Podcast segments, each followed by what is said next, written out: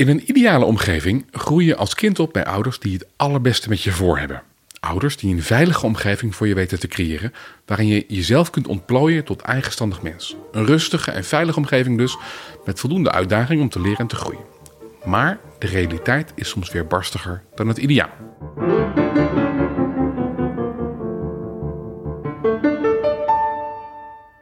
Godfried Buimers, welkom. Dag.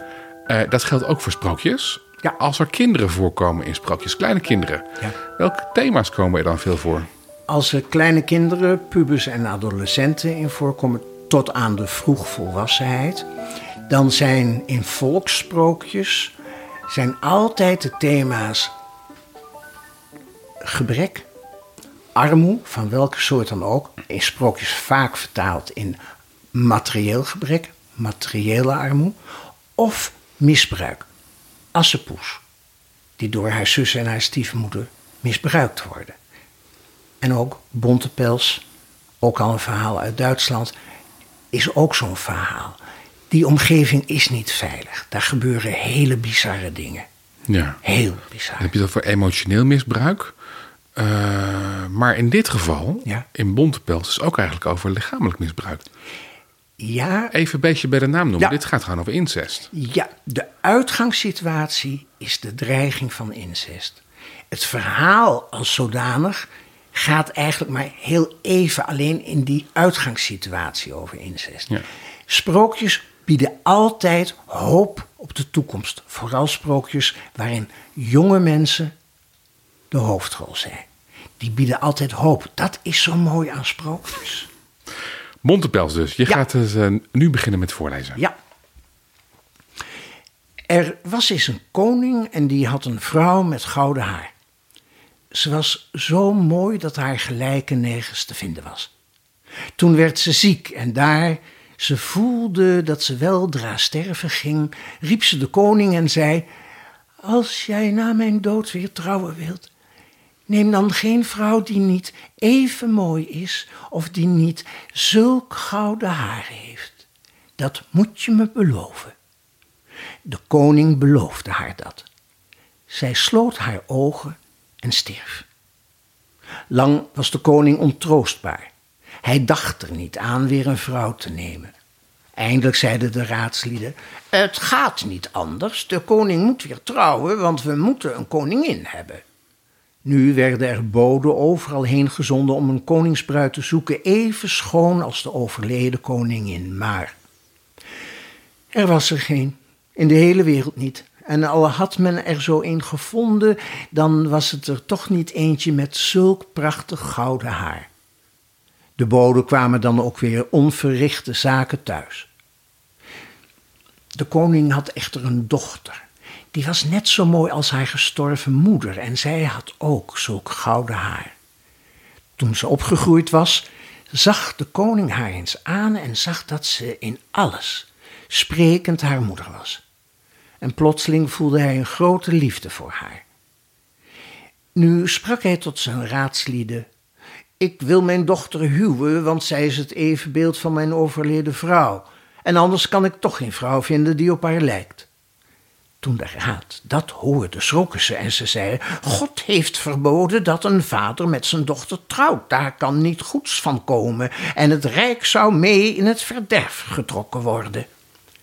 De dochter schrok nog erger toen ze het besluit van haar vader vernam, maar ze hoopte hem van zijn plan af te kunnen brengen. Ze zei nu tegen hem: Voor ik uw wens vervul, moet ik eerst drie gewaden hebben. Het ene goud als de zon, het tweede zilver als de maan, het derde fonkelend als de sterren. En dan wil ik ook nog een mantel hebben van alle soorten pelswerk en elk dier uit uw rijk moet er iets van zijn huid voor afstaan. Ze dacht, dat is onmogelijk. En hiermee leid ik mijn vaders gedachten af. Maar de koning bleef erbij en de vaardigste jonkvrouwen van zijn land moesten de kleren weven. Het ene goud als de zon, het tweede zilver als de maan en het derde fonkelend als de sterren. En zijn jagers moesten alle dieren van het land opvangen en hun een stuk van de huid nemen. Daaruit werd een pels van duizend soorten samengesteld. Toen eindelijk alles klaar was, liet de koning de mantel halen, spreidde hem voor haar uit en zei: Morgen zal de bruiloft zijn. Nu de prinses geen uitweg meer zag, besloot ze te ontsnappen. S'nachts, terwijl iedereen sliep, stond ze op, nam van al haar kostbaarheden drie stuks in totaal: een gouden ring, een gouden spinnenwiel en een gouden haspeltje. Haar drie kleren van zon, maan en sterren deed ze in een notendop. De pels trok ze aan en smaakte haar gezicht en handen zwart met roet. Toen bad ze tot God, liep weg en liep de hele nacht door tot ze in een groot bos kwam. Ze was moe, ging in een holle boom zitten en sliep in. De zon ging op, ze bleef slapen en sliep nog steeds toen de zon al hoog aan de hemel stond. Nu ging daar een koning, aan wie dat bos toebehoorde, er jagen. Zijn honden kwamen bij de boom, ze snuffelden, liepen er omheen en blaften. De koning zei tegen zijn jagers: Kijk eens wat voor wild zich daar heeft verstopt. De jagers volgden dit bevel en toen ze terugkwamen zeiden ze: Ja, in die holle boom ligt een wonderlijk dier zoals we het nog nooit eerder hebben gezien. De huid heeft de meest verschillende soorten beharing en het ligt te slapen. De koning zei: Probeer het levend te vangen, bind het dan op een wagen en neem het mee. Toen de jagers het meisje aanpakten, ontwaakte ze verschrikt en riep hem toe: Ik ben een arm kind door vader en moeder verlaten, heb medelijden en neem me mee. En ze zeiden: Bonte pels, je bent goed voor de keuken, kom maar mee, je kunt altijd nog de as bijeenvegen. Dus zetten ze haar op een kar en reden haar naar het slot van een koning. Daar wezen ze haar een hokje onder de trap, waar geen daglicht kwam, en zeiden: Bontepels, daar kun je wonen en slapen. Toen werd ze naar de keuken van dat paleis gezonden. Ze moest hout aandragen en water, stookte het vuur, plukte het wild, maakte groenten schoon, veegde de as en deed allerlei vuilwerk. Zo leefde Bontepels gedurende lange tijd zeer armelijk. Ach, schone prinses, wat moet er in godsnaam van je worden? Eens op een keer werd er feest gevierd in dat slot. Toen vroeg ze aan de kok: Mag ik naar boven om te kijken? Ik zal buiten de deur blijven. De kok zei: Ja, ga maar. Over een half uurtje moet je terug zijn om de as weer aan te vegen. Ze nam haar olielampje, ging naar haar hokje, trok de pels uit. Ze waste de roet van het gezicht en van haar handen, zodat haar volle schoonheid weer aan het licht kwam. Toen maakte ze de notendop open en haalde haar gewaad tevoorschijn dat goud was als de zon. Zo ging ze naar boven, naar het feest. Ieder ging haar uit de weg, want niemand kende haar, maar iedereen dacht dat ze een prinses was. De koning evenwel kwam haar tegemoet, reikte haar de hand, danste met haar en dacht in zijn hart: Zo'n mooie vrouw hebben mijn ogen nog niet gezien. De dans was ten einde, ze boog diep, de jonge koning keek om, weg was ze. En niemand wist waarheen. De schildwachten voor het slot moesten komen en werden uitgevraagd, maar niemand had erop gemerkt. Ze was naar haar hokje gegaan, had haar gouden gewaad vlug uitgetrokken, gezicht en handen zwart gemaakt en haar pels weer aangetrokken. Ze was nu weer bonte pels. Toen ze in de keuken kwam en aan het werk wou gaan om de as aan te vegen, zei de kok: Laat dat maar tot morgen. Kook de soep voor de koning. Ik wil boven ook wel eens een kijkje nemen, maar laat geen haar in de soep vallen, want anders krijg je nooit meer wat te eten. Nu ging de kok weg en Bontepels kookte de soep voor de koning en ze kookte broodsoep zo goed als ze kon. En toen ze klaar was, haalde ze uit het hokje haar gouden ring en legde die in de schaal waarin de soep werd opgediend. Toen het dansen voorbij was, liet de koning soep bovenbrengen en at die. En het smaakte hem zo goed dat hij vond dat hij nooit lekkerdere soep had gegeten. Toen hij op de bodem kwam, vond hij daar een gouden ring liggen en hij kon maar niet begrijpen hoe die erin gekomen was. Hij beval nu de kok te roepen.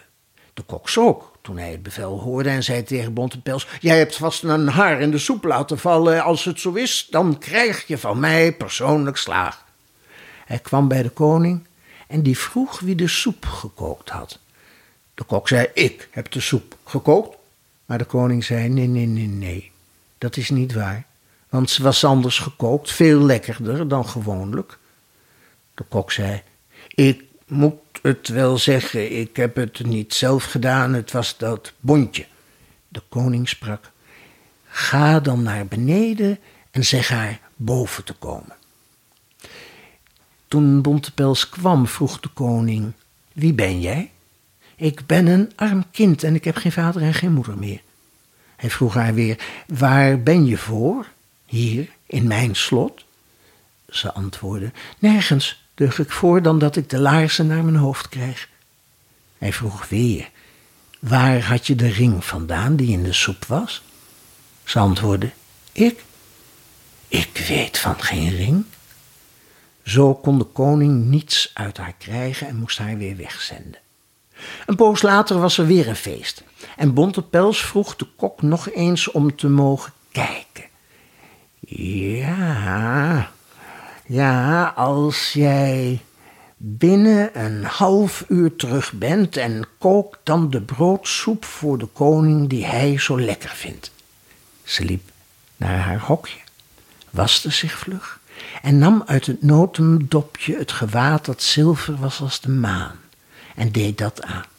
Ze ging naar boven en leek op een prinses. De koning trad op haar toe en verheugde zich over het weerzien en omdat de dans juist begon, dansten ze samen. Maar toen de dans voorbij was, verdween ze zo snel dat de jonge koning niet merken kon waar ze heen ging. Zij echter vloog in haar hokje en was weer spoedig bontpels en ging naar de keuken om de broodsoep klaar te maken. Terwijl de kok boven was, haalde zij het gouden spinnenwieltje. En dat deed ze in de schaal, zodat de soep daar overheen werd opgediend. Daarop werd de soep naar de koning gebracht. Die at ervan en het smaakte hem weer zo goed als de vorige maal. En hij liet de kok komen en die moest ook nu weer erkennen dat Bontepels de soep had gemaakt. Bontepels kwam weer voor de koning, maar zij antwoordde dat ze er alleen maar was om laarzen naar haar hoofd te krijgen en van het gouden spinnenwieltje wist ze helemaal niets. De koning richtte nog eens een feest aan en het ging niet anders dan bij de vorige feesten. Wel sprak de kok, Jij bent een heksbondje en je doet al door wat in de soep waardoor die zo lekker wordt en de koning hem beter vindt dan wanneer ik die kook maar omdat ze erom vroeg, liet hij haar op de bepaalde tijd naar boven gaan. Ze ging nu met het gewaad dat flonkerde als de sterren en daarmee kwam ze in de zaal. De koning danste weer met het mooie meisje en vond dat ze nog nooit zo mooi geweest was. En onder het dansen stak hij haar, zonder dat ze het merkte, een gouden ring aan haar vinger. En hij had gezegd dat het een hele lange wals moest zijn. Toen die uit was, wilde hij haar bij de handen vasthouden, maar zij rukte zich los en sprong zo vlug tussen de mensen dat ze voor zijn ogen verdween. Ze liep wat ze lopen kon, naar het hokje, onder de trap. Maar ze was langer dan een half uur weggebleven en zo kon ze het feestgewaad niet uittrekken, maar ze gooide vlug de pels eroverheen en in de haast maakte ze zich niet goed zwart, maar een van haar vingers bleef wit. Bontpels ging nu naar de keuken kookte voor de koning een broodsoep en legde er, toen de kok was weggegaan, een gouden haspel in. Toen de koning die haspel op de bodem van zijn bord vond, liet hij Bontepels roepen. Toen zag hij de witte vinger en hij zag de ring die hij onder het dansen eraan gestoken had. Hij greep haar bij de hand, hield haar vast en toen ze zich wilde losmaken en weglopen, ging de pelsmantel een heel klein beetje open en het sterkkleed glinsterde tevoorschijn. De koning pakte de mantel beet en trok die van haar af. Toen kwamen de gouden haren voor de dag en zij stond daar in haar volle schoonheid en kon zich niet langer verborgen houden. En toen ze roet en as uit haar gezicht had geveegd, toen was ze nog mooier. Mooier dan er ooit een meisje op aarde was gezien. De koning zei: Jij bent mijn lieve bruid, en we zullen nooit meer scheiden. Daarop werd de bruiloft gevierd en ze leefden gelukkig tot aan hun dood. Eh, dat is eindgoed al goed. In zekere zin. Ja. Maar daarvoor moest ze wel van huis weg. Ja. Daarvoor moest ze vluchten. Ja, je ziet altijd in sprookjes waar het om adolescentenmeisjes gaat, Sneeuwwitje, Assepoes, Bontepels, dat het meisjes zijn die in de huwbare leeftijd zijn. Soms zijn ze jonger, dat is een heel speciaal genre, maar ze, dan weet je al aan het begin, die komt nooit meer terug naar huis, want dat huis zal niet verbeteren. Dat huis is vervloekt. Vervloekt. Het huis is vervloekt door de wens van de koningin, enerzijds, en door het feit dat de koning zo dom is dat hij zich aan die wens wenst te houden. Het zijn twee ongezonde mensen. Emotioneel ongezond. Onvolwassen. onvolwassen. Want daarom vraagt die koningin dat. Zoek een nieuwe vrouw die net zo mooi is als ik. Ehm, als je het heel kort door de bocht zou zeggen, en dat doe ik nou even. eigendom, eigendunk en jaloezie. Daar begint vaak misbruik. Of, ehm, ik was, ja, maar dat is jaloezie.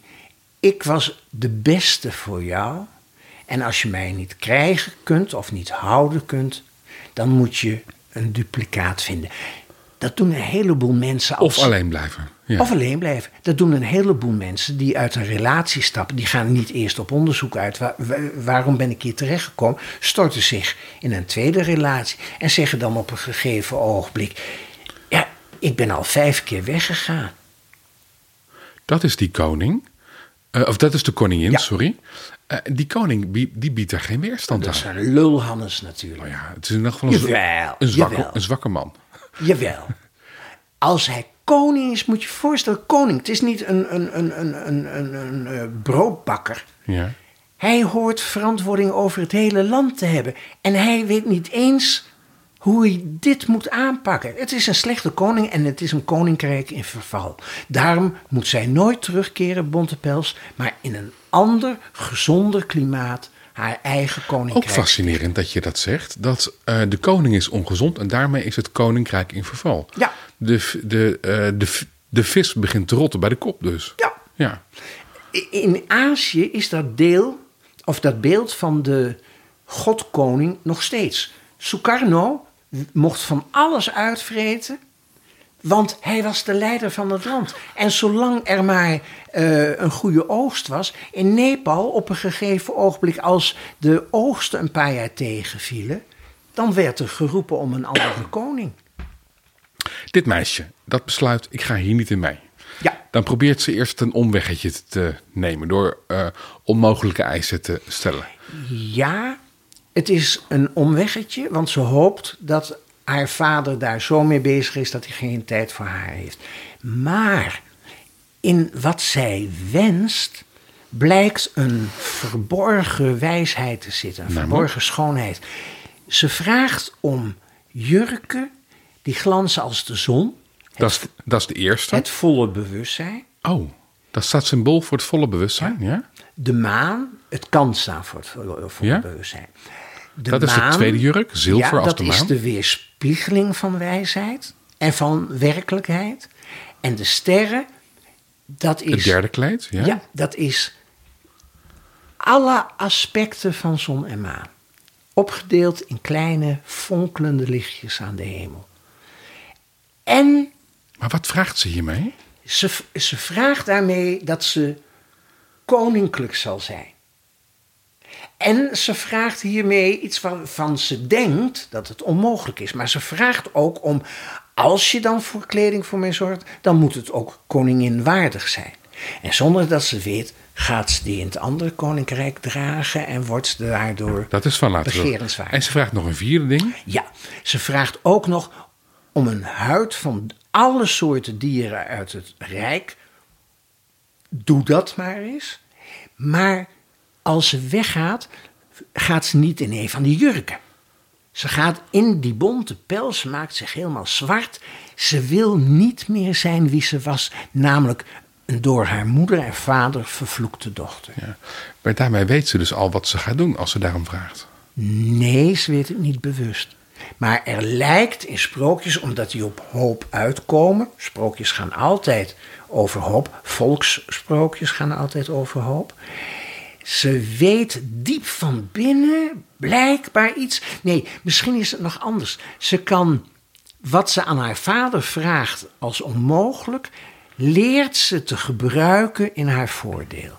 Dat is denk ik het belangrijkste wat zich doet. En het eerste wat ze zich op een of andere manier realiseert: ik moet vluchten in het meest vuile, zodat ze me niet aankijken.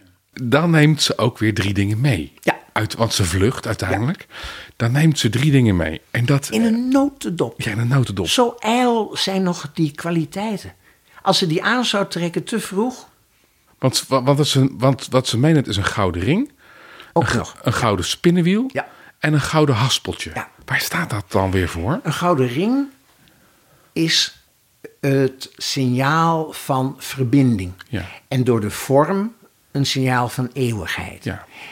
Het spinnenwieltje is om vlas tot een levensdraad te spinnen. En de haspel heb je nodig om dat gesponnen garen op te winden, om te kunnen weven. Dus ze neemt haar oerkwaliteiten mee in de vorm van een sieraad. Want wat is haar oerkwaliteit dan?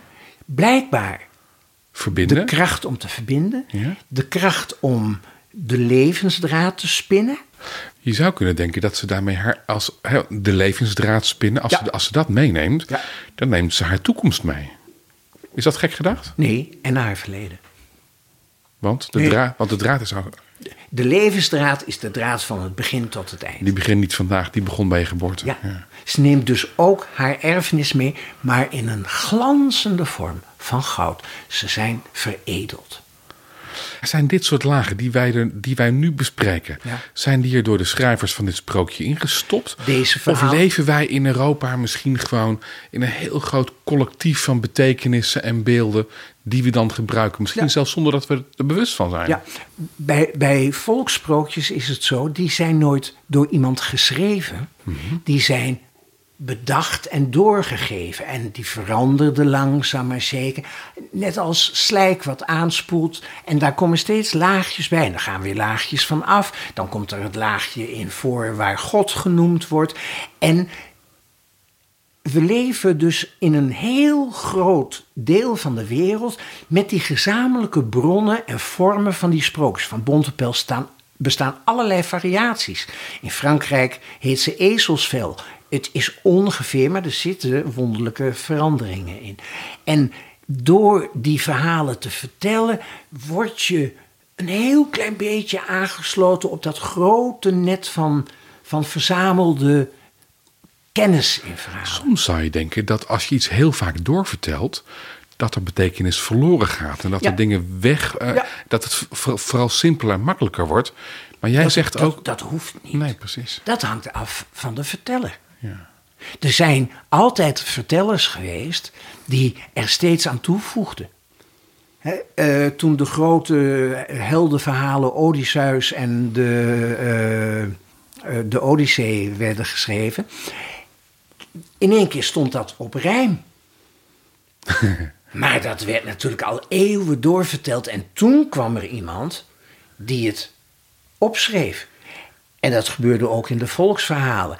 En dan krijg je, bij de gebroeders Grimm bijvoorbeeld, hun eerste versie hadden ze alles vrijwel ongecensureerd. Maar er kwam heel veel kritiek, want ze zeiden: dit kunnen we in de kinderkamer niet voorlezen.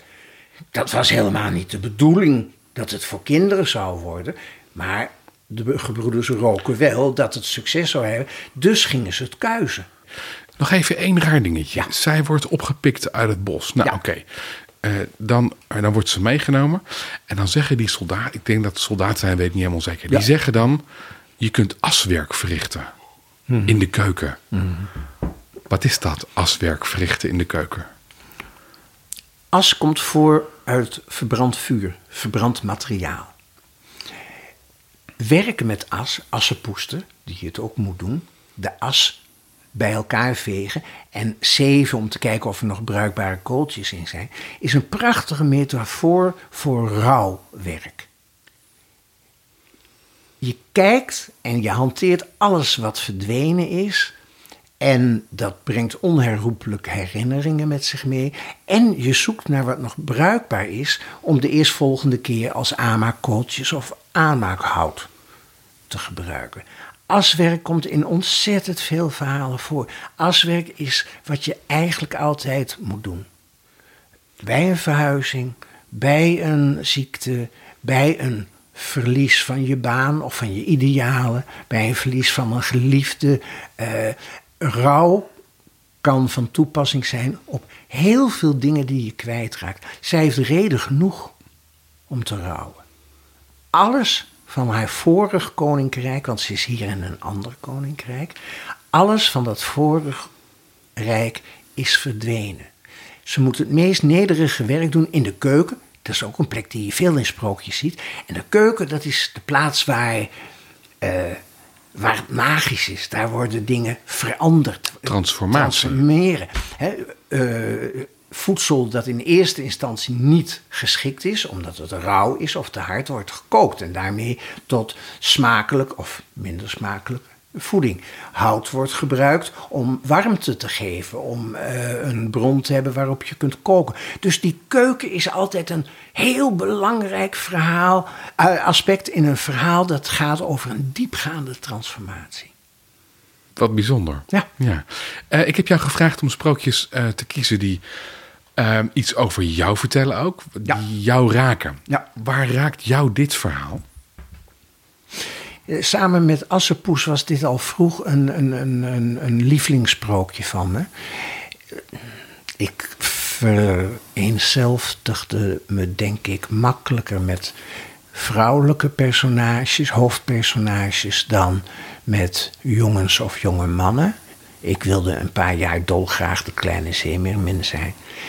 En dat vertelt iets over mijn gevoelige aard, mijn, mijn, misschien al wel over mijn toen nog latent homoseksuele aard. Maar ik herkende me heel goed in, in de krenking. En ik heb als baby kinderverlamming gehad. Ik liep en loop mank. En ik weet maar al te goed is, hoe het is om op straat uitgescholden te worden. Door kinderen, maar ook door volwassenen. En nou wil ik daar niet alles neerleggen, maar dat is wel een van de dingen. Ik denk dat ieder kind weet wat krenking is. Als vader zegt, nou, doe jij nou maar even gewoon. Misschien niet eens lullig bedoeld, maar het kan wel een krenking zijn. Wil niet zeggen dat je het niet moet doen. Het gebeurt. En je kunt maar beter leren om daar je gevolgen uit te trekken en weg te gaan. En normaal te gaan doen. En te leren. Binnen de bandbreedte te blijven. Te leren. En dit soort sprookjes helpt jou om hoop te blijven houden? Helpt mij om hoop te blijven houden. Ik ben jarenlang dramatherapeut geweest voor kinderen en voor volwassenen. En als mensen, kind of volwassenen, niet wilde of niet kon praten over waar het in de kern om ging, dan vroeg ik vaak: is er een sprookje wat je mooi vindt? Of een verhaal of een gedicht? Door in de symbolen van het verhaal of het sprookje of het gedicht te blijven, kun je het probleem op afstand zetten. Als een cliënt van mij op een bepaald verhaal bleef hangen en niet verder kon, dan kon je er donder op zeggen dat daar het werkelijke werk verricht moest worden. En dat moet vaak eerst in het verborgene. Dankjewel, Godfried. Alsjeblieft. Voor het uh, uitkiezen en voorlezen van een prachtig verhaal. Echt heel erg mooi. En je hele bijzondere uitleg erbij. Dankjewel. Graag gedaan. Bontepels dus vandaag in deze aflevering van de Sprookjespodcast. Ook jij dankjewel voor het luisteren. In de Sprookjespodcast hoor je elke aflevering een nieuw sprookje van over de hele wereld. Mijn naam is Basti Barancini en vandaag hoorde je Godfried Beumers. Hij zit inmiddels al een halve eeuw in het theatervak. Eerst als broekie als poppenspeler, maar de laatste jaren als regisseur en schrijver. Godfried heeft een boekenkast met duizenden sprookjes en vandaag hoorde je er daar één van.